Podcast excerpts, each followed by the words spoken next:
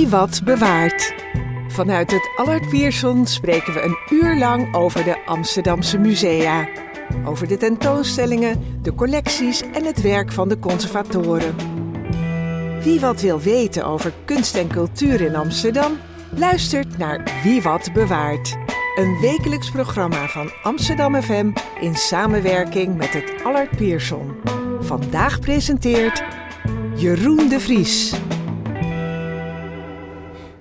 Ja, welkom bij de uitzending Wie wat bewaart vanuit de studio van het Allard Pierson. Bij mij aan tafel zitten Gerrit de Jager en Jos van Waterschoot. En we gaan praten over de tentoonstelling 40 jaar familie Doorzon in het Allard Pierson.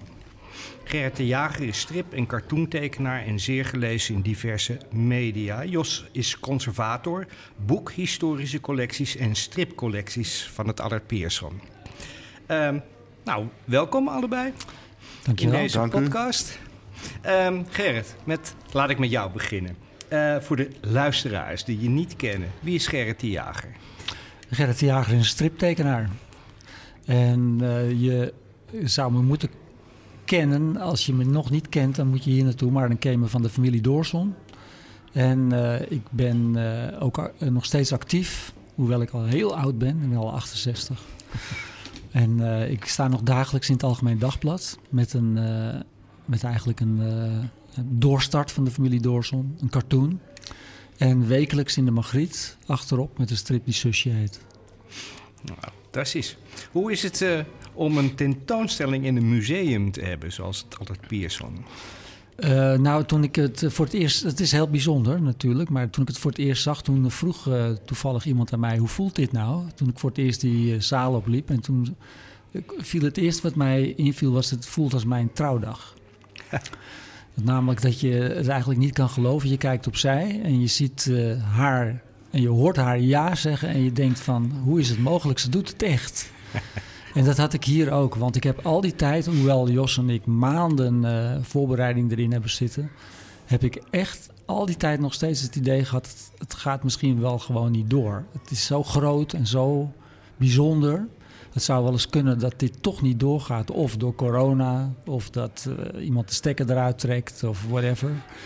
Eh, ik, ik, tot het laatste moment kon ik het bijna niet geloven dat dit ging gebeuren. Nou ja, het is dus wel gebeurd. eh. ja. en hoe, hoe is dat?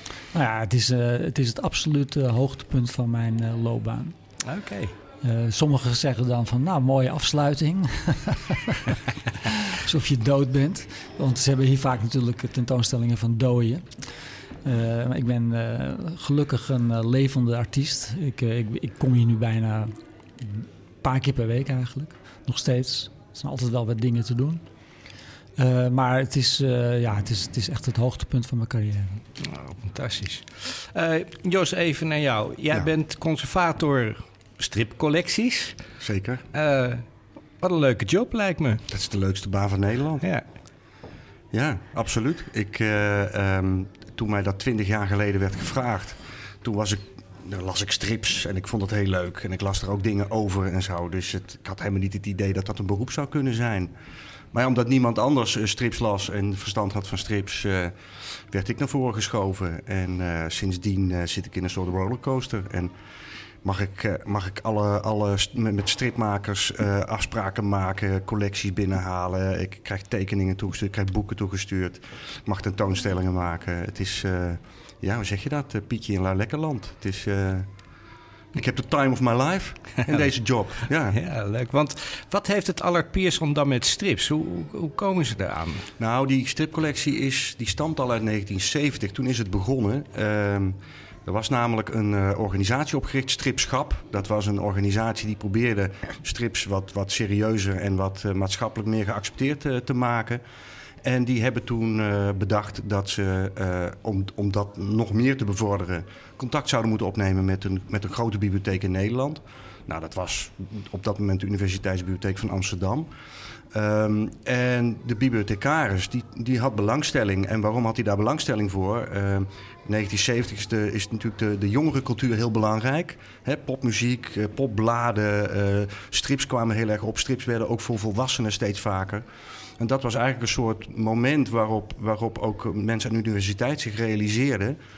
Die jongere cultuur is natuurlijk iets, iets wat, wat ook weer verdwijnt, wat zich, wat zich evolueert. Ehm, misschien moeten we, moeten we wat dingen gaan vastleggen. En nou ja, een van die dingen was dus, was dus strips. En vanaf 1970 is er dus een stripcollectie aangelegd. En hebben ze gedocumenteerd wat er, wat er gebeurt op stripgebied. En daar zijn ze nooit meer mee opgehouden. In de jaren 80 is er een beetje een dipje geweest. Eh, omdat er financiële uh, en economische crisis was. En dan heb je geen geld om dingen aan te schaffen en zo. Dus toen werd het wat minder. Maar sinds mijn aanstelling begin jaren 90 is, het weer, uh, is dat weer een beetje uh. En ja, nu, nu is het een van de, van de bloeiende collecties binnen ons instituut. Ja, want uh, ja, het, zijn, het zit in de archieven, zullen we maar zeggen. Maar nu gaan jullie dus ook tentoonstellen. Ja. Hè, Gerrit, jouw hele oeuvre van nou, de familie Doorzon in ieder geval. Ja. Hoe, hoe, hoe zijn jullie daartoe gekomen? Nou, dat is een beetje begonnen vorig jaar toen we, toen we voor het eerst echt het idee hadden uh, om een tentoonstelling over Peter van Straten te maken. We, hebben toen, uh, we hadden Peter van Straten collectie verworven op voorwaarde dat we er een tentoonstelling over zouden maken. Die tentoonstelling werd een hit. Er zijn 15.000, 16.000 bezoekers op, uh, op binnengekomen. Wat voor, wat voor ons museum echt een enorm aantal is. En um, toen dacht ik van, ik moet het ijzer smeden als het heet is. Ja, als je succes hebt, dan heb je veel vrienden. Dus ik heb meteen gezegd van jongens, ik heb nog wel een idee voor een nieuwe tentoonstelling. En uh, omdat Gerrit vorig jaar bij die Peter van Straten tentoonstelling uh, gastconservator was, hebben we meteen geroepen van waarom niet een tentoonstelling over 40 jaar doorzon. En nou ja, van het een kwam het ander. Ik kreeg meteen toestemming om dat te gaan doen. Dus wij zijn al in het voorjaar zijn we al een beetje gaan babbelen. En aan het begin van de zomer zijn we het magazijn ingedoken en hebben we de 72 meter Gerrit de Jager collectie die wij hebben staan. 72 meter, strekkende meter. Uh, daar zijn we ingesprongen en hebben we een, uh, een selectie uh, geprobeerd te maken. Ja, geprobeerd te maken is natuurlijk uiteindelijk ook wel gelukt. Alleen in het begin hadden we wat hobbels, want het was moeilijk. we hadden de eerste twee, drie dozen opengemaakt en de tentoonstelling was klaar. En toen hadden we eigenlijk nog 71,5 meter te gaan. En uh, ja, toen sloeg bij ons beiden ook wel een beetje de paniek toe van, van hoe gaan we dit nou in godsnaam oplossen, dit probleem. Want we hebben veel te veel leuk spul. Yeah. Nou ja, goed, toen zijn we gaan praten. En toen zei iemand op een gegeven moment van... Uh, waarom spits je het dan niet echt toe op doorzon? Nou, dat was, dat was een goede vondst. Want toen bleef er nog maar een meter of 15 over van de 72. Dat scheelt toch alweer. En uit die 5000 cartoons en strippagina's hebben we dus een selectie van nu ongeveer 100 tekeningen en pagina's gemaakt.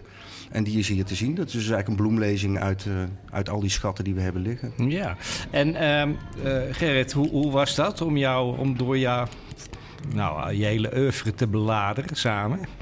Uh, ja, het was moeilijk. Het was, het was, het was niet.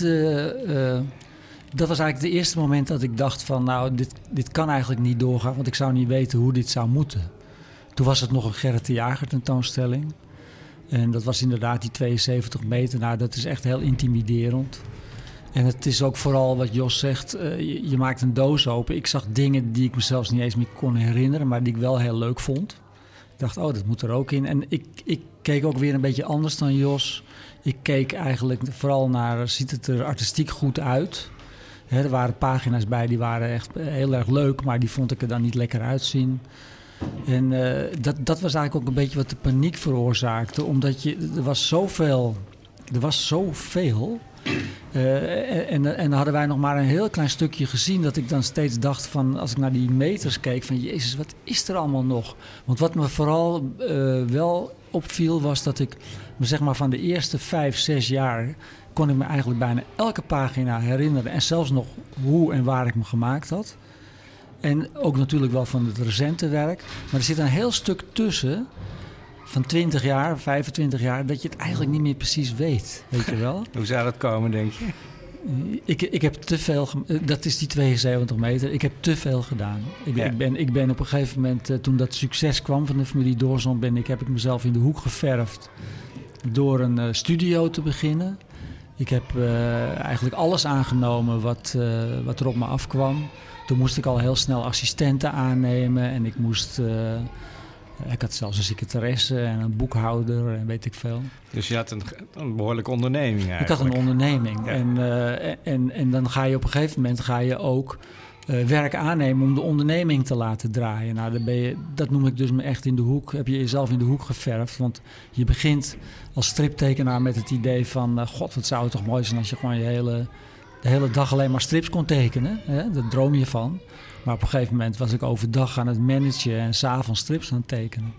En overdag waren andere mensen uh, soms mijn strips aan het tekenen. Die ik er weliswaar had bedacht en geschetst en weet ik veel.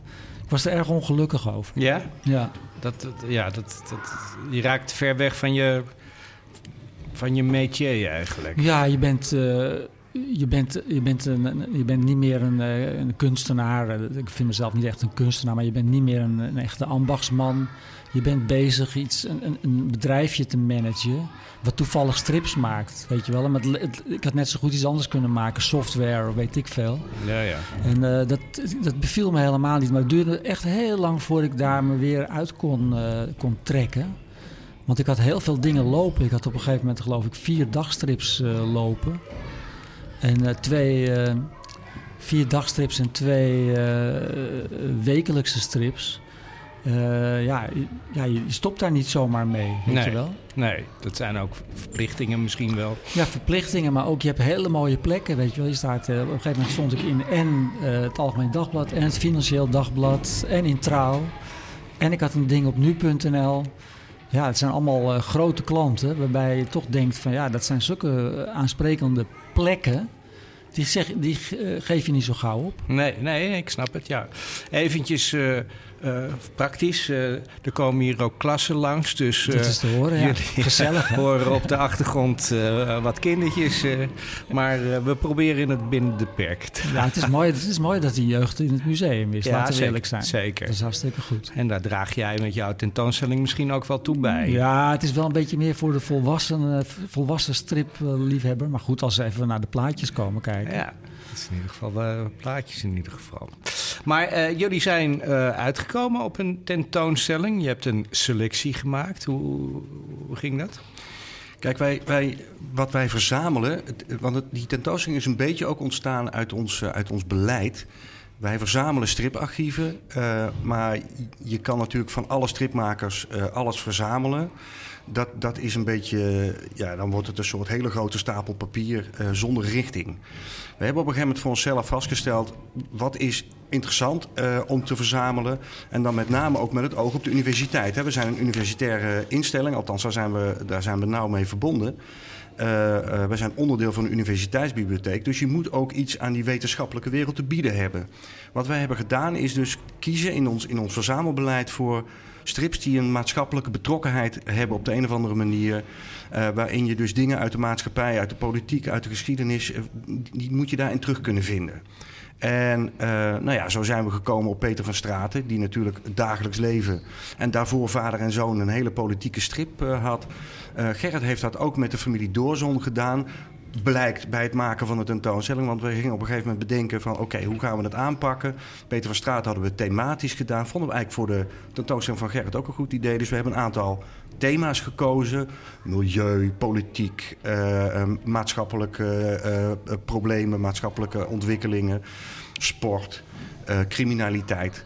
En daar hebben we dus heel gericht thematisch voor gekozen. En dat bleek eigenlijk in familie Doorzon allemaal te zitten. Dus je kon eigenlijk heel makkelijk thematisch kiezen, thematisch inrichten. Waardoor je automatisch ook een beeld krijgt van... nou, hoe, hoe zat dat dan met die criminaliteit de afgelopen 40 jaar? Want er zitten vroege, vroege pagina's en tekeningen bij. En er zitten pagina's die heel recent zijn gemaakt bij. En er is toch wel een, een verschil in, in terug te vinden. En uh, dat geldt voor al die andere thema's die we, die we hebben uitgekozen. Ook milieu is natuurlijk ook zoiets. Uh, uh, Gerrit was een van de eerste mensen die bij de glasbakken, met de glasbakken uh, grote betrokkenheid had.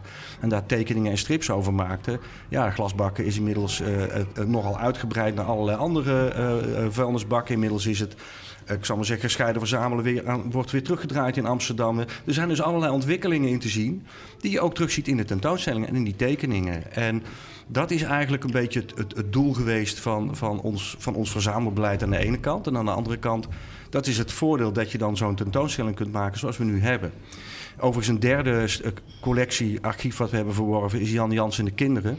Ook een familiestrip, net zoals de familie Doorzon. Maar dan toch net even een tikkie anders. Ja. Ja. Er zit wel uh, verschil. Want, er zit wel verschil in, ja, zeker. Want als je naar uh, familie Doorzon uh, kijkt... Ik, ik heb het in het verleden ook natuurlijk wel gelezen. Ik heb me voor dit interview ook een beetje ingelezen. Uh, volgens mij heb ik een van de eerste uh, uh, strips hier. De eerste. De eerste zelfs. En wat mij opviel is dat in deze strip al die thema's al of al die thema's waar, je, waar jij het nu ook uh, over ja. hebt genoemd, al aanwezig zijn. Ja, zo, zo ben ik ook begonnen. Ik ben, uh, er zit natuurlijk, de familie Doorzan kwam wel, wel heel vroeg in mijn loopbaan. Ja. Maar er zit een jaar of drie, vier aan vooraf. En ik ben altijd bezig geweest. Het was ook een beetje de tijd, de tijdsgeest eind jaren zeventig. waarin meer politieke strips gemaakt werden, wanneer meer maatschappelijke dingen werden aangesneden. En uh, in, de, in de aanloop naar de familie Doorzon heb ik dat eigenlijk altijd gedaan. Ik heb altijd uh, wat er speelde, politiek uh, en toen eigenlijk ook internationaal, heb ik, heb ik behandeld. En toen de familie Doorzon kwam, ja, toen ben ik het helemaal toe gaan spitsen op de Nederlandse actualiteit. Maar dat is, dat is eigenlijk mijn interessegebied, omdat ik wil heel graag strips maken over wat er nu aan de hand is. En uh, ik, ben, ik ben niet zo'n striptekenaar die een strip maakt van er komt iets uit een buitenaardse heelal en er landt een vliegende schotel in de achtertuin en er gebeurt er iets. Mij moet het echt zijn, weet je wel. Het moet herkenbaar zijn. Het moet, nou ja, en, en ja, ik ben gewoon heel maatschappelijk betrokken. Ja. Ja, dat is duidelijk. Want als ik naar de uh, familie Doorson... Uh, de, het is een familie die in een Doorzon-woning gaat uh, wonen. We hebben het over pa Doorzon, ma Doorzon, Tony, Ronnie en... en Doortje niet te Doortje. Vergeten buurvrouw. De buurvrouw is erg belangrijk, anders had pa nooit... Nou, tenminste voor pa Doorzon is het erg belangrijk. Ja. anders was hij nooit daar komen wonen. Uh, de buurman, de, de bier en koos. Ja. de, nou, en zo heb je nog heel veel uh, van die verschillende. En elk uh, van die ja, kar karakters, die heeft ook een heel nou, vrij extreme nou zou ik dat zeggen, heeft, eh, eh, heeft een bepaalde uh, manier van doen. Nou ja, het zijn stereotypen. Ja. Ik, ik, heb echt, ik heb er echt stereotypen op geplakt. Hè? Ja. Dus uh, Pa Doorson is wat je nu zou noemen de boze blanke man. Uh, Ma Doorson is een, uh, een beetje een uh, ingedutte huisvrouw, maar die toch eigenlijk nog heel veel idealen heeft. En die eigenlijk wel iets anders zou willen doen dan de huisvrouw zijn. Nou, Doortje is, is de stereotype sloerie maar die uiteindelijk toch de meeste hersens blijkt te hebben van het hele stel. En die kleine Ronnie, dat die, die gaat al heel snel de criminaliteit in. Ik weet eigenlijk niet precies waarom dat is gebeurd. Kijk, heel vaak is het zo dat je een. Je hebt op een gegeven moment een. Eh, in die week gebeurt er iets in, in, de, in, eh, in, de Nederland, in Nederland. Ja. En dan moet je die week die strip inleveren. En dan kun je, wat er gebeurt, kun je dan plakken op een van die figuren. Oké. Weet je wel, zo, het is niet zo dat het helemaal vooruitgedacht plan is. Waarschijnlijk, ik, ik weet het alweer wat het was. Het was de ontvoering van, uh, van Heineken. Ja. En toen dacht ik, nou, misschien wel leuk als de familie Doorzen ook iemand ontvoert. En het leek me wel iets voor Ronnie om dat te doen. Ja. Gewoon als hobby, zeg maar. en Tony is de, de, wat toen in opkwam was, de stereotype sport homo, weet je wel? De, ja, ja, ja. de, de meer gespierde homo. Dus niet uh, de, de, mietjes zoals ze vroeger altijd werden eh, afgebeeld, maar gewoon echt een gozer uit de sportschool. Dus die stereotypen die heb ik, uh, heb ik proberen erop te plakken. En daar dan mee aan de gang te gaan. Ja, maar daar ben je wel min of meer 40 jaar mee, mee bezig geweest. Ja. Want die karakters zijn wel Redelijk, ja, ze zijn, uh, ze zijn in die zin zijn ze heel stabiel, zeg maar. Hè. Ze zijn wat ze zijn. Maar wat je bijvoorbeeld nu ziet is heel leuk. Er komt op een gegeven moment komen er twee Surinaamse schoonzoons. Ja. Eén, één voor Tony en één voor Doortje. Ja. En uh, nou, dat geeft in het begin die paar Doorzoon, die schrikt zich natuurlijk de pleuris. Uh, maar wat je nu bijvoorbeeld ziet in mijn cartoons in het Algemeen Dagblad... dat met name die, uh, de, de Ari, de, de, de, heteroseksuele schoon, Surinaamse schoonzoon en Pa Doorzen... dat is twee handen op één buik. Die vinden van alles hetzelfde. Ja, Zelfs over buitenlanders vinden ze hetzelfde. En dat, dat is wel een ontwikkeling die daar dan in zit, weet je wel. En in mijn cartoon is bijvoorbeeld nu Ma Doorzon... Uh, de, de muts, zal ik maar zeggen, die is nu heel scherp. Die zegt van achter, achteraf haar, achter haar krant heeft zij de meest scherpe opmerking eigenlijk. Ja, want zij was al. Ze begon al meteen in de eerste met macrobiotiek en ja, zo. Ja, vegetarisme en macrobiotiek, dat kwam in de begin jaren tachtig op natuurlijk. Ze was ook uh, half zacht feministisch. En uh, ja, dat zijn allemaal de dingen die natuurlijk... Kijk, bijvoorbeeld, ik werkte bijvoorbeeld voor Opzij. In het geniep bijna. Uh, er stond een strip in. Hoe, van... hoe deed je dat dan zonder uh, nou, andere naam of zo? Het is wel heel grappig dat op een gegeven moment... Uh, ik, ik, ik moest een keer mijn strip echt... ik, ik, ik, ik letterde de strip van Claire Bretéché. Die maakte de strip De Gefrustreerde. Die werd in Nederland ook uitgegeven. En die had een heel specifiek handschrift, die Claire Bretéché. En ik kon dat redelijk goed imiteren. Ik ben wel goed in letteren, al zeg ik het zelf. Dus ik letterde die strip. Maar op een gegeven moment moest ik hem ook echt een keer naar de redactie brengen. Toen was daar Siska Dresselaar. Die zei, voor een grap hoor, heel ironisch. een man. en toen uh, deed dat heel grappig of zo. Maar ik was, ik was inderdaad op dat, dat moment de enige man die voor dat blad werkte. Toen zei zij ook nog, ook ironisch, laten we dit maar eventjes geheim houden. Maar dus ja, Weet je, dus ik, ik, ik, ik maakte van al die dingen mee. Ik woonde natuurlijk in Amsterdam. Uh, ik zat ook wel een beetje in, in, in progressieve kringen. Ik kom zelf uit een, uit een heel links nest. En uh, ja, daar heb ik, uh, de, ik, ik, was ik was een klein, stil, rustig knaapje. Dit veel observeerde, zeg maar. En ook de linkse kerk op een gegeven moment, van de, net zoals je ouders van hun voetstuk vallen, viel op een gegeven moment ook de linkse kerk bij mij behoorlijk van het voetstuk dat zie je dan al echt allemaal terug. En je, eigenlijk is het zo dat je, je, er gebeurt iets, je wil er iets mee doen. En dan kies je eigenlijk, dat is zo mooi van die karakters. Je kiest een karakter wat bij die situatie past op dat moment. En als, je de, als die niet op die vijf figuren passen, dan verzin je een nieuwe iemand. Ja, okay. Zo is zo bijvoorbeeld Emiel de Agoog... Uh, is op een gegeven moment de, de, familie binnenkomen wandelen. Ja. Ja, en een ander ja, wel traumatisch ding is dat de buurvrouw die is op een gegeven moment overleden, heb ik begrepen. Ja, maar daar was een heel duidelijke aanleiding voor. Ik uh, moest op een gegeven moment kwamen die albums uit en toen moest ik signeren. En dan krijg je allemaal een beetje kwijlende mannen aan je, aan je tafeltje. Dan zeg ik, je even die, dat lekkere wijf tekenen? Toen dacht ik, nou, dan moet ik vanaf van dat lekkere wijf. dus uh, die heb ik dood laten vallen. en helemaal spijt van gehad. Net als, uh, als uh, Morris natuurlijk en Cossini spijt hadden van de, van de Daltons die ze dood lieten gaan. Ja. Toen kwamen de neven Daltons. Ja. Dus daarna heb ik weer een hele serie buurvrouwen op moeten voeren. Want die paar Doorsen was zijn obsessie kwijt natuurlijk. maar nee, ik, ik had zo, was het zo zat. Ja. Dus ja, die moest dood. Maar waar, waar haalde jij in het begin dan die inspiratie van? Was dat je eigen leven of de, je kon goed observeren, zei je? Wat, wat, nou ja, heel, heel duidelijk één op één. Ik woonde in een doorzonwoning. Ah ja. Ik was heel vroeg vader geworden. Ja.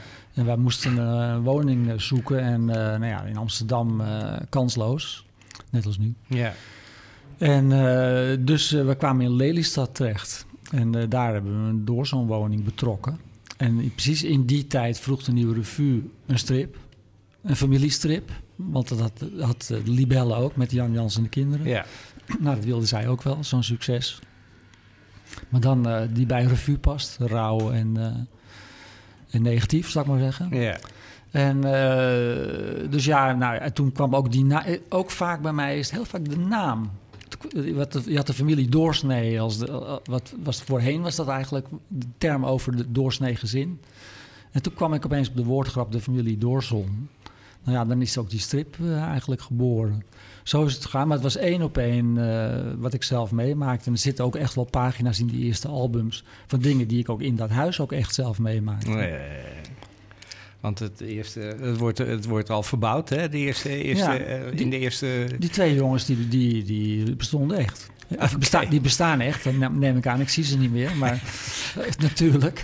Maar dat waren twee jongens, die kende ik nog van de middelbare school. Die gingen de MTS doen en die, die klusten bij. En dat, waar, dat was gewoon dramatisch. Echt, echt dramatisch.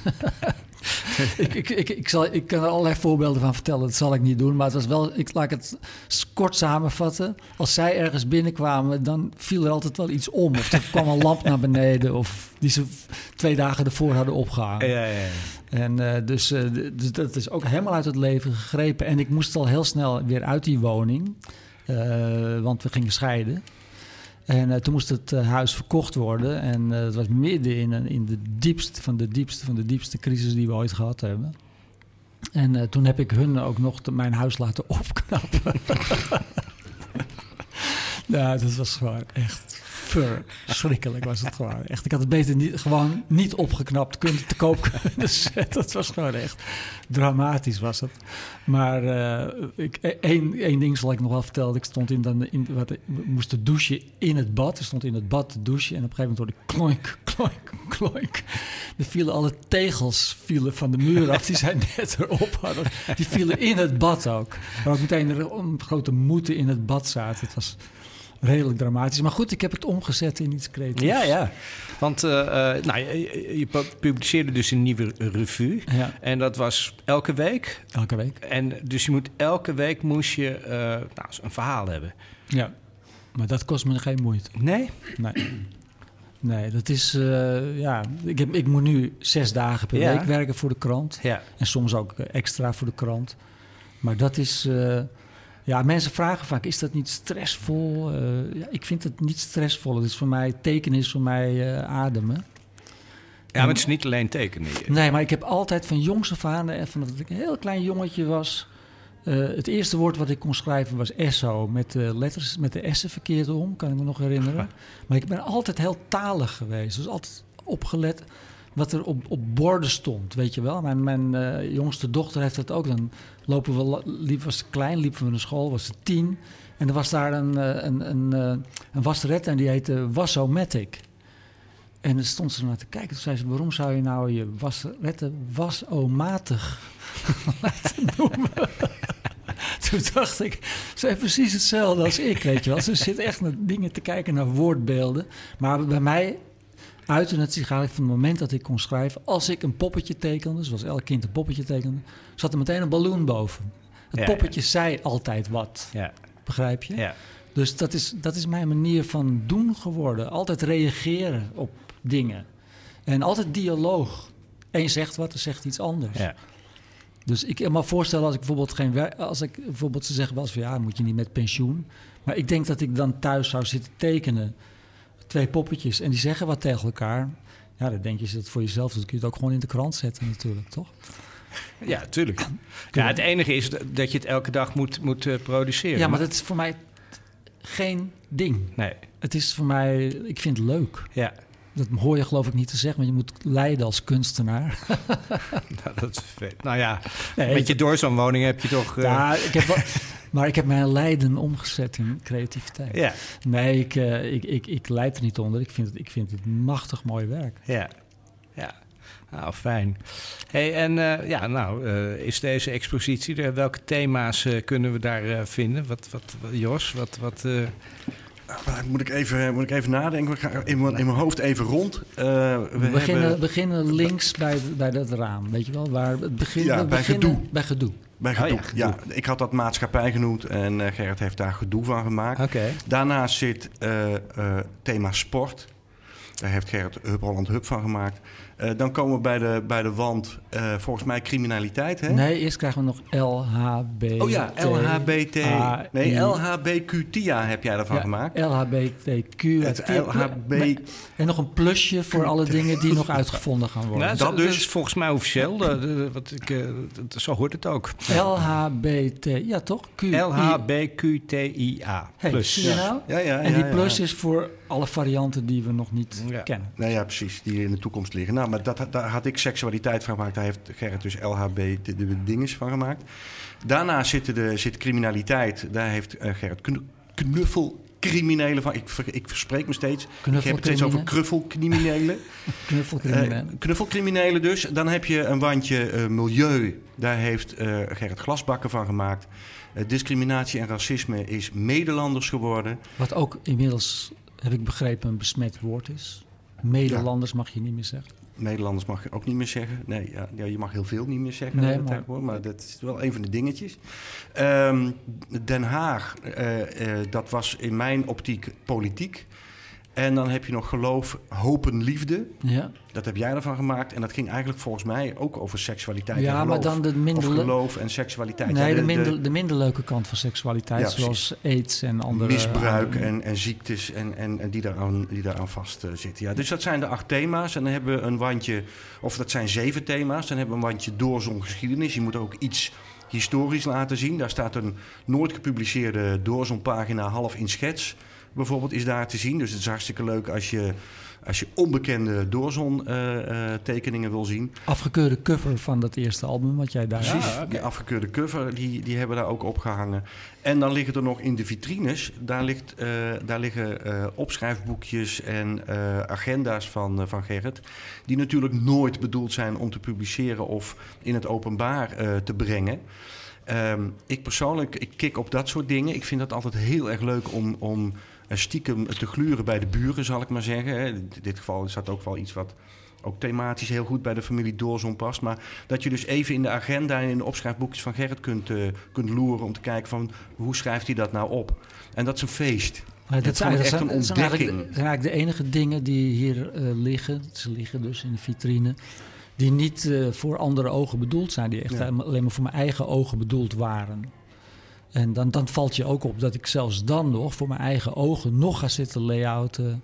En eh, eh, het er lekker wil laten uitzien. Ja, ja, oké. Dus dat, dat, dat is jouw terugkijken nu. eh, ik zeg, hey, Ja, dat deed ja, ik waarbij toch. je kunt denken, is dat een afwijking of is het een gave? Ik bedoel, eh, Ja, het is, Ik, ik geef geen waarde. ik, ik, ik, ik, ik kan wel, ik kan wel een tipje van de sluier eh, oplichten. Zo- als, zodra het eh, heel goed gelayout is en er heel netjes uitziet, dan ben ik in de grootste paniek.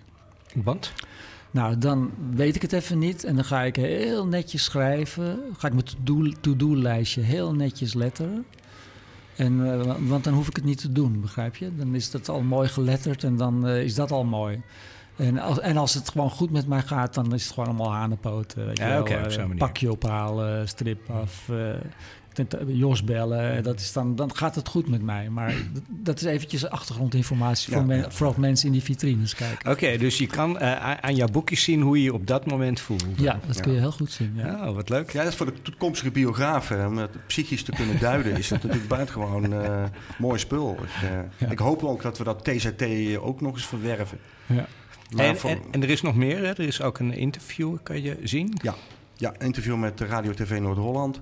Mogen we wel even reclame voor maken. Het is een heel leuk interview namelijk. Het meest spontane interview dat ik ooit gegeven heb. Ja, want ze kwamen onaangekondigd volgens Ja, mij. ze belden op en ze zeiden van... eh, we, we zijn een programma aan het maken, het heet De Iconen van Noord-Holland. Toen zei ik, nou, dan kom je bij mij uit natuurlijk. ja, nou, ja, eigenlijk hadden we een ander icoon... maar die was niet thuis. en we staan bij jou in de straat. Zou jij niet een icoon van Noord-Holland willen zijn? Ik zeg, kom maar binnen hoor, ben ik wel de icoon van de dag. Maar het was zo los daardoor... dat ik had helemaal niet door dat het echt was, weet je wel. ja. En eh, dus dat, dat- ik, ik vond dat eigenlijk wel het leukste om te, om te zien. Omdat, van alle interviews. Ja. Omdat het, eh, ja, ik doe maar wat. Weet je wel, ik, laat, ik trek allemaal lades open en eh, ik lul uit mijn nek. Net als nu trouwens, maar goed. Ja, maar dat zijn de leukste interviews. Dat zijn de leukste Ja, ja, ja. interviews, En, en, en overigens in datzelfde kastje, want maak ik ook de rondleiding even virtueel af. In datzelfde kastje zit aan de andere kant een scherm. Eh, eh, dat is onze Metabotnik, daar zijn wij heel trots op. Dat is ook iets wat uitgevonden is door een van, onze, eh, door een van mijn collega's. Paul Dijsselbergen. Metabotnik? Metabotnik heet dat. Oké. En dat is een manier om een heleboel plaatjes zeg maar, in een heel compacte vorm te presenteren. Maar omdat het een, eh, touchscreen is, kun je dus in- en uitzoomen. Eh, daar staan, op dat scherm staan, als het op zijn allerkleinst is, 2200 cartoons van Gerrit van de afgelopen acht jaar. En die kun je dus tot in detail kun je, kun je inzoomen op die tekeningen. Eh, mensen die dus die 100 tekeningen in de tentoonstelling hebben bekeken en nog lang niet genoeg hebben gehad, die kunnen naar dat scherm en die kunnen nog even een paar dagen door, zou ik maar zeggen. Want Ja, je ja. kunt dus alle 2200 cartoons van de afgelopen acht jaar kun je zien. En van de week ontdekten we, ontdekten we allebei, we stonden ervoor met, met mensen bij een rondleiding. En toen ontdekten we dat er zelfs uh, schetsen op staan, onafgemaakte tekeningen, Ja. dingen die niet gebruikt zijn. Maar die zijn blijkbaar op de stapel beland. Uh, en we hebben dat vervolgens gedigitaliseerd en uh, is gewoon mee gedigitaliseerd. Nou, het waren eigenlijk vooral fouten. Uh, het, zijn, ja, het nou. waren, het, omdat het originele zijn, zijn het fouten die ik gemaakt heb. En wat je dus wel nu hebt natuurlijk, is dat je tekent en je maakt een fout en dan maak je het weer goed in de computer. Ja. Maar eh, dit, eh, het valt trouwens ook op dat ik heel weinig fouten maak, ja, blijkbaar. ja, zeker. Maar Ja. eh, er was, was, waren één of twee bij waarbij je dus echt nog de fout ziet. De foute cartoon, eh, of de foute balloon was het vooral. Ja, ja. Dus dat is wel heel grappig om te zien. Maar dat is het leuke hè, van, van zo'n tentoonstelling, dat je de echte tekeningen ziet. En dat je dus niet alleen een pagina in een stripboek ziet, maar dat je ook ziet hoe de tekenaar gewerkt heeft, correcties heeft uitgevoerd, eh, hoe teksten zijn eventueel zijn aangepast, of plaatjes zijn veranderd, of een, een, er is een, ergens een, een hoofd eh, weggegumd en er is iets anders voor in de plaats gekomen. Hè, dat soort dingen. En dat maakt natuurlijk zo'n tentoonstelling extra leuk. En is een beetje een kijkje in de keuken van, van hoe wordt een strip gemaakt. Hè? Ik bedoel, het is niet alleen de tekening kant en klaar. Maar ook, je kan ook zien van, ah, dat heeft, oh, daar heeft hij een beetje zitten knoeien. Of daar heeft hij een beetje dit gedaan of dat gedaan.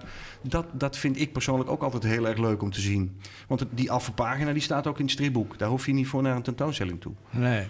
Ja, dat, dat klopt. Want het lijkt, lijkt me s- überhaupt moeilijk om strips te tentoon te stellen. hè. Dat- het dat nog, is het ook. is- klein natuurlijk. Ja, ja, maar het is waanzinnig moeilijk, omdat ehm, je hebt de neiging als, als tentoonstellingsmaker om eh, die leuke pagina op te hangen en die leuke pagina en die leuke pagina. Op een gegeven moment hangen er honderd leuke pagina's en het is eigenlijk helemaal niet meer leuk. Want bij de derde pagina begin je je te vervelen en bij pagina 10 haak je af. Ja, en, en dat moet je dus zien te vermijden. En eh, dat is ook de reden waarom wij zelf die tentoonstelling, weliswaar, we maken de selectie, die hebben wij samen gemaakt. Maar we laten zo'n tentoonstelling vormgeven door iemand. Dat moet je niet zelf doen, je moet dat niet zelf aan de muur spijkeren, want dan wordt het niks. Je moet iemand vragen die, daar, die, dat, die dat op een professionele manier aanpakt, die daar op, op een hele andere manier naar kijkt dan wij. Wij zien 100 pagina's en cartoons. Zij zien eh, eh, mogelijkheden om, om, om dit erbij te doen en dat erbij te doen. En het zo op te hangen en het zo tentoon te stellen.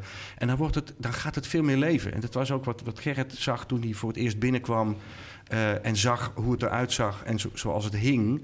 Ja, dat, dat, dan, dan denk je van ja, zo, zo doe je dat dus. Maar ja, dat kun je van tevoren zelf nooit op die manier bedenken. Nee, het zijn de, de, de- de- de twee vrouwen van het ontwerpbureau Extra Blond. Mirjam Slik en Tanja Tosca. Tosca. Hoe heet van het achternaam weer? Linde, Lindeboom. Ja, En eh, die, hebben, die hebben, wat zij gedaan hebben, ze hebben eh, eh, tekeningen van mij extreem uitvergroot als soort achterwand. En wat, wat ik dus eigenlijk gewoon dus heel, ja, waar ik dus echt kippenvel van kreeg toen ik dat zag voor het eerst, is dat je dus dan ziet waar je 40 jaar mee bezig bent geweest om steeds beter te leren tekenen.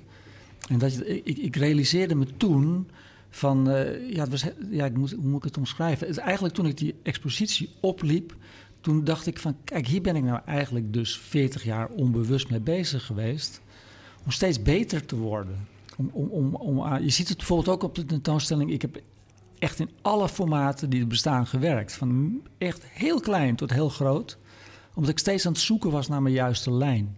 En toen zag je die uitvergrotingen. En toen dacht ik, ja, dat mag ik misschien toch wel zeggen na 40 jaar. Goh, ik heb echt een potje leren tekenen. Ja, dat mag je best wel zeggen. Ja. Maar dat, dat heb Nee, je maar- nu voor jezelf ook. nou ja, dat- je, je denkt van, ja, hier ben ik dus al die tijd mee bezig geweest. Ik heb, had- heb altijd in mijn hoofd gehad van, ik, ik wil eh, iets, dat, hoe iets erop eh, uit zou moeten zien. En door die uitvergrotingen zag ik opeens van, ja, ik kan het gewoon. Oké. Weet je, en eh, het, het klinkt misschien raar, maar je bent 40 jaar, denk je van ja. Iedere keer als je het ding wegstuurt, denk je ja, ja, oké, oké, oké. Wel aardig, weet je wel. Ik, ik, ik heb Het is nooit- nooit iets van, van fantastisch. Nee, wel soms met een grap. Dat je echt denkt van, ja, dit is zo'n goede grap. Maar met de tekeningen heb ik altijd zoiets gehad van... had het niet even een beetje dit of dat? Ook door die... Want dat is wel een ding met die zes dagen per week. Er is altijd tijdsdruk. Dus op een gegeven moment moet iets de deur uit... maar dan ben je eigenlijk niet helemaal tevreden. Maar ik ben nu eigenlijk enorm blij... omdat ik zie van, ja, ik, ik kan gewoon tekenen. Oké, dus dat, dat is wat je opvalt zo- 40 jaar, als je 40 jaar naar je eigen werk kijkt. Ja, en de manier waarop het is vormgegeven maakt dat... eh, daardoor hangen er dus zeg maar niet allemaal strippagina's... wat Jos net zei, wat je vaak ziet op exposities... strippagina's naast elkaar, dodelijk saai. Ja. Zelfs al ga je naar de grootste striptekenaars ter wereld... die tentoonstellingen zijn echt gewoon niet te doen, weet je wel. Ik ben naar Franquin geweest, nou, hoe, hoe groot wil je je tekenaar hebben? Maar na zeven pagina's dacht ik, jezus mina, en ik moet nog 30 pagina's. Ja. Het is niet te doen. Nee. Maar wat je nu ziet is, de, de, de, de hoogtepunten zijn eruit gehaald, ook, ook thematisch. Maar door die uitvergrotingen krijg je een enorm, of een enorm, nee, je krijgt een onbewust een beeld van wat voor tekenaar ik ben. Wat voor strip het is.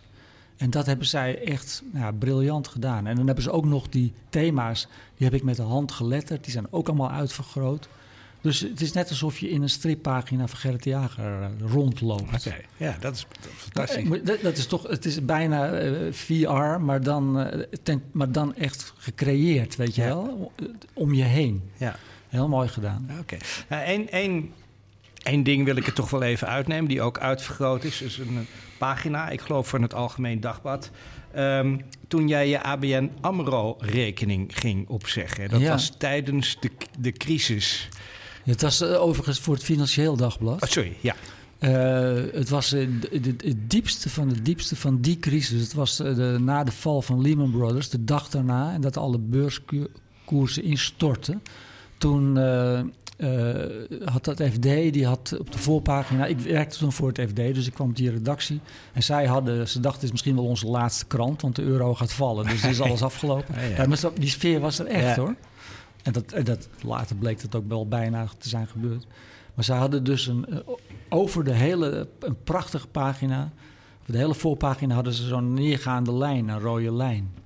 En ik had in die week net iets meegemaakt, soortgelijks, bij de ABN AMRO, waardoor ik dacht, ik ging mijn rekeningen opzeggen en ik kwam in zo'n desolate, deprimerende sfeer terecht, dat ik dacht van, eh, nou ja, het is klaar, het is afgelopen. We, ik, ik, kan mijn rekeningen wel opzeggen, maar volgende week bestaan er geen rekeningen meer, bij wijze van spreken.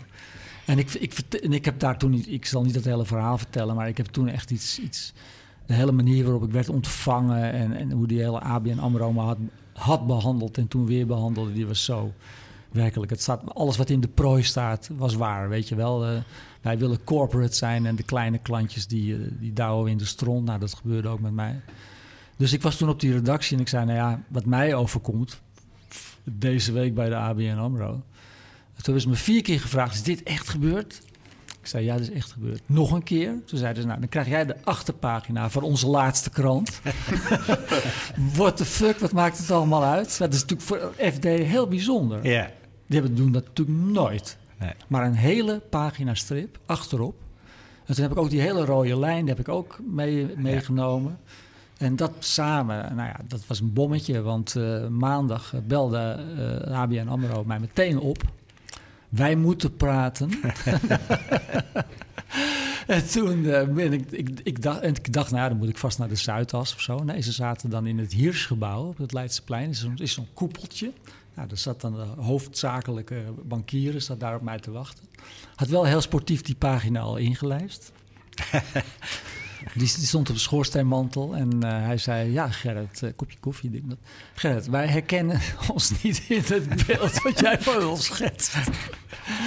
Toen begon het gesprek. Ja, verder, verder kan ik me niks meer van het gesprek herinneren. Want dat is een van die momenten in je leven dat je denkt: in welke film zit ik op dit Ja, moment? Maar ik kwam in een gebouw waar, waar de, de afvoer van de wc eh, naar beneden kwam. Ja, dat was, dat, was, dat was dus het hele. Daar ging die strip over. Het is gewoon echt gebeurd. Ik kan het nu nog nauwelijks voorstellen. Maar Ja. gewoon, ik zat met een man te praten aan een bureautje om die rekening op te zeggen. En links en rechts van hem kwam gewoon de afvoer van de wc uit het plafond naar beneden. Ik dacht dat het het programma met de verborgen camera was. het, was het, was, het was een onvoorstelbaar verhaal. Maar dat is inderdaad een van die dingen dat je denkt... Jezus mina, waar ben ik, eh, waar ben ik in terechtgekomen? Maar het was natuurlijk echt geweldig dat ik juist op dat moment net bij het FD was begonnen. Ja. Het was trouwens geen toeval. Ik vond toen heel bijzonder dat de hoofdredacteur tegen mij zei... in 2007 begon ik. Zomer 2007 zei hij tegen mij, ik zal het nooit vergeten... In, in café, eh, of hoe heet het daar, Dauphine zaten we. En toen zei hij, uh, Gert, we moeten een dagelijkse strip hebben, want er gaan hele gekke dingen gebeuren. En dit was 2007. Ik, vond dat, vind dat achteraf nog steeds heel bijzonder, want die Lehman Brothers was pas september 2008. Ja.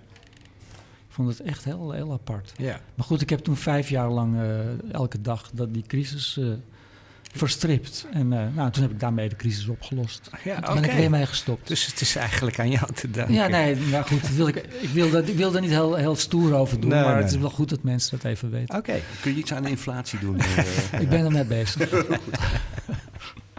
maar maar uh, zijn niet alleen, uh, dus deze, er is niet alleen deze tentoonstelling, maar je geeft ook workshops hier. Ja, daar ben ik al mee begonnen. Ik heb er één toen gegeven in de tijd van uh, de tentoonstelling van Peter van Straat. Ik had het nog nooit gedaan. Nee.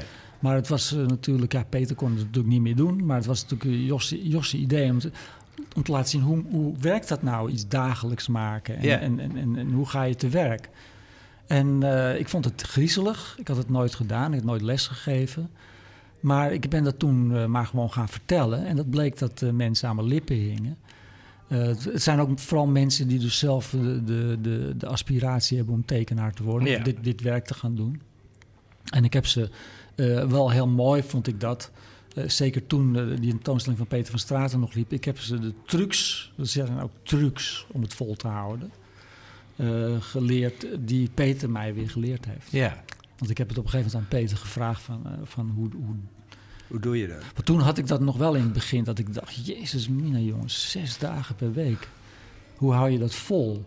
En hij heeft mij daar toen een paar hele goede tips voor gegeven ja. om dat te doen, hoe je dat doet. En dat heb ik nu weer, geef ik nu weer door aan die cursisten. Dat doe ik nu weer. Ja. Dus ik heb het nu gedaan de afgelopen november en 27 december een volgende. Dus daar kan iedereen zich voor opgeven. Ja, 15 mensen max. Ja. Maar uh, nee, zeker. En het, is, en het moet ik wel benadrukken, je hoeft geen goede tekenaar te zijn. Uh, de, de, de, workshop is vooral bedoeld om te laten zien hoe kun je je ideeën vormgeven. Iedereen heeft wel een idee hè, om iets te doen, uh, al is het op welk gebied dan ook. Maar ik laat eigenlijk vooral zien van hoe je een idee kan vormgeven, hoe je het kan benaderen. Weet je wel, er zijn benaderingen voor hoe je een idee uh, gestalte kan geven. Dat is eigenlijk wat ik vooral vertel. Ja, want hoe, hoe kom jij aan, hoe, hoe geef jij je idee gestalte? Hoe, hoe ga jij te werk? Nou... Uh, Bedenk je iets en dan teken je het? Of, ik sta de hele dag aan. Ja. Dus uh, dat, dat is wel, dat is, kan wel een dingetje zijn, hè? want uh, ook voor je omgeving. Uh, dat je dus, uh, weet je, dat heeft bij mij, bij mij wat, wat een vervelende, uh, vervelende kant ervan is, is dat ik praat bijvoorbeeld met iemand, ik heb gewoon een leuk gesprek met iemand, een drink een kopje koffie, die zegt na drie zinnen iets wat ik denk, oh, wacht even, het is misschien wel iets voor een cartoon. En dan hoor, heb ik het hele gesprek niet verder, hoor ik niet meer. Nee. Ik ben dan alleen nog maar bezig om dat ene zinnetje vorm te geven, ja. weet je wel. Ja. En, maar goed ik, ik, doe wel veel dingen uit het dagelijks leven. Ik heb bijvoorbeeld, ik zat met een andere creatief, zat ik uh, in een koffietentje uh, onlangs. En toen, dat is een strip, die hoef ik niet meer te bedenken, die kon ik gewoon uh, opschrijven. Meteen opschrijven. Ik zat met hem te praten en we moesten op een gegeven moment vreselijk hard om iets lachen. En toen zat er een gozer van, van de Zuidas, die omgeving was het, zat er naast ons met zijn hand op zijn telefoon en zei... hey, kunnen jullie even stil zijn? Ik ben aan het bellen. wij waren alle twee flabbergasted. We dachten, wacht even, dit is helemaal precies andersom.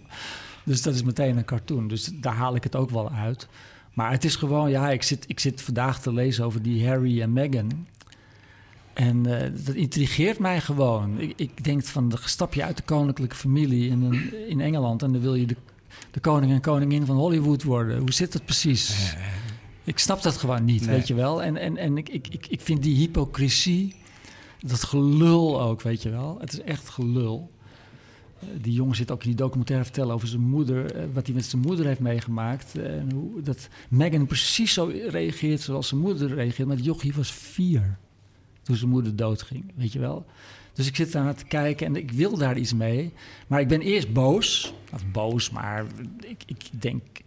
Jezus, wat een gezeik. Maar dan moet je er iets leuks van maken. Dat, is, dat, ja, dat is dan waarschijnlijk talent. Want er is niks ergers dan boze cartoons. Ja. Of zagrijnige cartoons. Ja. Die zijn vervelend, weet je wel. Ja, hoewel je wel veel zagrijnige types opvoert, natuurlijk. Ze, ze zijn heel zagrijnig. Bijna allemaal zijn ze niet te doen. Maar ze zeggen dan wel dingen waar je erg om moet lachen. Weet Ja. je wel, in hun zagrijnigheid. Ik vind dat het- uiteindelijk moet het wel gewoon echt een goede grap zijn. En het moet niet, wat je bijvoorbeeld nu zit met die oorlog in Oekraïne, zie ik woedende cartoons over Poetin. Eh, soms zelfs met een Hitlersnorretje erop getekend. Dan denk ik, jongens, er moet toch een betere manier zijn om die man voor lul te zetten, weet je wel, dan dit.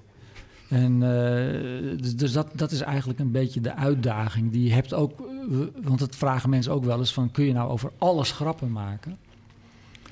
En dat moet in principe kunnen, vind ik. Maar dan moet, als je echt over iets heel afschuwelijks een grap maakt, dan moet die echt zo goed zijn dat onwillekeurig eigenlijk iedereen er toch om moet lachen. En als dat niet zo is, Ja. laat dan een afschuwelijk onderwerp alsjeblieft liggen, weet je wel. Ga dan niet, eh, er zijn mensen die maken grappen over de holocaust. Die proberen daar cartoons over te maken. Ik denk, jongens, dat is, is geen doen. Doe, doe maar niet gewoon. Maar dat vinden mensen dan stoer, weet je wel. Ik durf zelfs dat aan te pakken. Of over kanker, of weet ik veel. En eh, ja, ik heb, ik, ik, ik heb dat nooit gehad. Ik, ik heb, dat zijn altijd dingen geweest waarvan ik denk, daar moet je gewoon van wegblijven. Er, er is zoveel leed, dat, eh, daar, daar moet je niet een cartoontje over gaan zitten Nee. maken. Maar als je kijkt naar, eh, want, je, begon met de familie Doorson in een nieuwe revue. En een nieuwe revue wilde heftige eh, dingen. Seks komt er veel voor. Nou ja, al, al die thema's. Ging over Surinamers en zo. Tegenwoordig is dat moeilijker volgens mij. Ja, dat is moeilijker.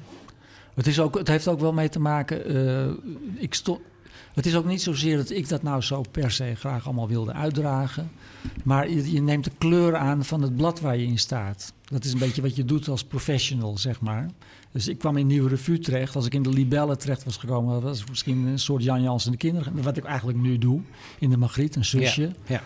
Eh, maar ik nam de kleur van het blad aan. Het blad was rauw en, en probeerde de, een linksigheid te verkopen met, eh, met entertainment en seks. Nou, die kleur nam ik een beetje aan. En, eh, en dat is ja, je kunt zeggen dat kan allemaal nu niet meer. Het is ook zo dat het, het, het past ook niet meer bij mij hoe ik nu ben. Het is niet zo dat ik me nu aan het inhouden ben. Weet je wel, ik, ik vergelijk het wel eens dat je bent in 19, 1978 zit je in een punkband en je bent eh, 20. En je staat op een gitaar te rossen. Dus dat heb je 68 in jackie nog steeds te doen. Is het gewoon heel sneu. Dus ik, ik, ik vind het heel sneu om nu harde grappen om de harde grappen te maken. Ja. Weet je wel, dat past gewoon niet bij me. Ik ben een stuk gelukkiger dan toen. Ehm, ja, maar ik, ik zeg het maar gewoon milder. Ik, ik, ik, ik kijk ook wel met meer mededogen naar mensen en dingen en situaties. Dus het hoeft voor mij allemaal niet meer zo hard. Dus ik voel me niet beperkt of zo, weet je wel. Ik heb niet zoiets van... eh, kijk, ik vond wel... Wat ik wel echt heel, eh, heel vervelend vond... was toen op een gegeven moment dat gezeik met, eh, met, die, met die cartoons over Mohammed eh, begon. Dat je dacht, oké, daar moet je dus van wegblijven... want anders ga je dood. Ja, ja. Ja, dus zo simpel is het. Dat is echt gebeurd. Hè? Mensen zijn in Parijs afgeslacht. En toen heb ik ook besloten, want ik maakte best heftige tekeningen over de katholieke kerk. Toen dacht ik van, dat doe ik ook niet meer. Oké, daar ben je mee op. Ja, eerlijk is eerlijk. Ja. Weet je wel, ik bedoel, eh, dat vind ik ook met die, het is zo'n musical over mormonen, weet je wel. En dan lacht iedereen, ligt dubbel over die mormonen. Hartstikke leuke musical. Ik denk, oké jongens, en nu, hè, want het heet dan ook het, het boek van de, de Book of the, the Mormons. Oké, denk, en nu een leuke musical over de Koran, jongens, kom op. Hè? Eerlijk is eerlijk. Ja. Want ik vind dat gewoon flauw, weet je wel. Je, die mensen kun je pakken, weet je wel. Je moet niet mensen die, die geen makkelijke doelwitten hebben. Ja, dat ja, vind ja, ik ja. gewoon niet goed. Oké, ja.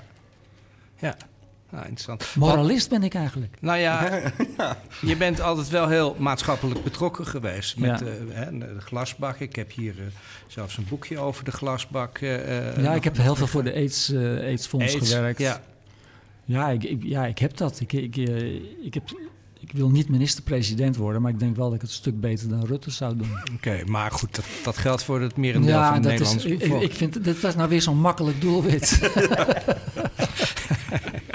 maar goed, ik denk ook dat ik Amerika een stukje beter kan leiden dan nu gebeurt. Nee, grapje. Maar nee, maar het, ik bedoel, mijn ideeën over hoe het zou moeten, die probeer ik dan, hoe mooi is dat? Die probeer ik dan in een grap te vangen. Maar Ja. ondertussen zit daar wel iets onder Zit van, iets onder, ja. jongens, kom op. Ja. Zoals nu die excuses over die slavernij. Wat ik bedoel, nu moet. Dat is, mijn, het is een cartoon die ik vanochtend heb bedacht. Nu moet Rutte dus excuses gaan aanbieden over het gezeik over die excuses. ik bedoel, hoe, hoe, slap kun je zijn? Ik bedoel, het is echt toch Rutte, Ja. makkelijk doelwit. Maar hoe ongelooflijk slecht als premier kun je zijn? Het is gewoon Ja. zo tranentrekkend. Ja, ja, ja. Toch maar even gezegd in Ja, een museum zeker, dat, eh, eh, podcast. Ja, hallo. Maar goed, hij is binnenkort ook een museum. Een gesproken cartoon was dit. Ja. Dat is nieuw. Een gesproken cartoon, dat is nieuw. Zeker, dat moeten we misschien toch eens gaan doen, ja. Ja, ja. Hey Jos, eh, eh, zijn er ook vervolgen hier, hierop? Eh, qua eh, tentoonstellingen? Ja, ehm, we hebben met, met Peter van Straten iets ingezet. Eh, en ik zei al, door het succes daarvan mocht ik binnen het jaar alweer een tentoonstelling maken. We hebben nu de collectie van Jan Kruis eh, bo- hier boven in het magazijn liggen. Ik, ik, sta, ik sta helemaal klaar en in, de, in, de start, in de startblokken om, om daar een leuke tentoonstelling over te maken. Ehm, de- maar er zijn nog zoveel andere onderwerpen waar je ook tentoonstellingen over kunt maken. En ik, ik deel eh, die tentoonstellingsruimte met eh, veertien collega's. Dus ik, ik snap best als ik nu weer een paar jaartjes niet mag.